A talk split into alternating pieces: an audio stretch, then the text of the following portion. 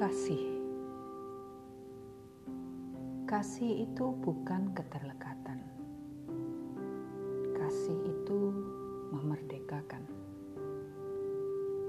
Kasih itu bukan ketergantungan.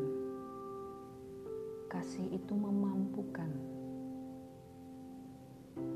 Kasih itu bukan perasaan. Kasih itu Kasih sejati menghantar setiap pribadi yang dikasihi dalam perjumpaan dengan Tuhan, menemukan Tuhan sebagai kekuatan yang pertama dan utama.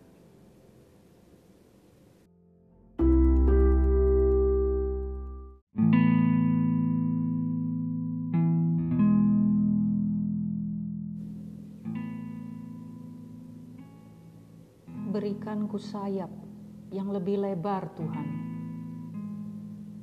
Langit di atas sana terlalu luas untuk kuarungi. Berikanku hati yang lebih luas, Tuhan. Hidup yang kujalani terlalu dalam untuk ku mengerti. Apa yang datang?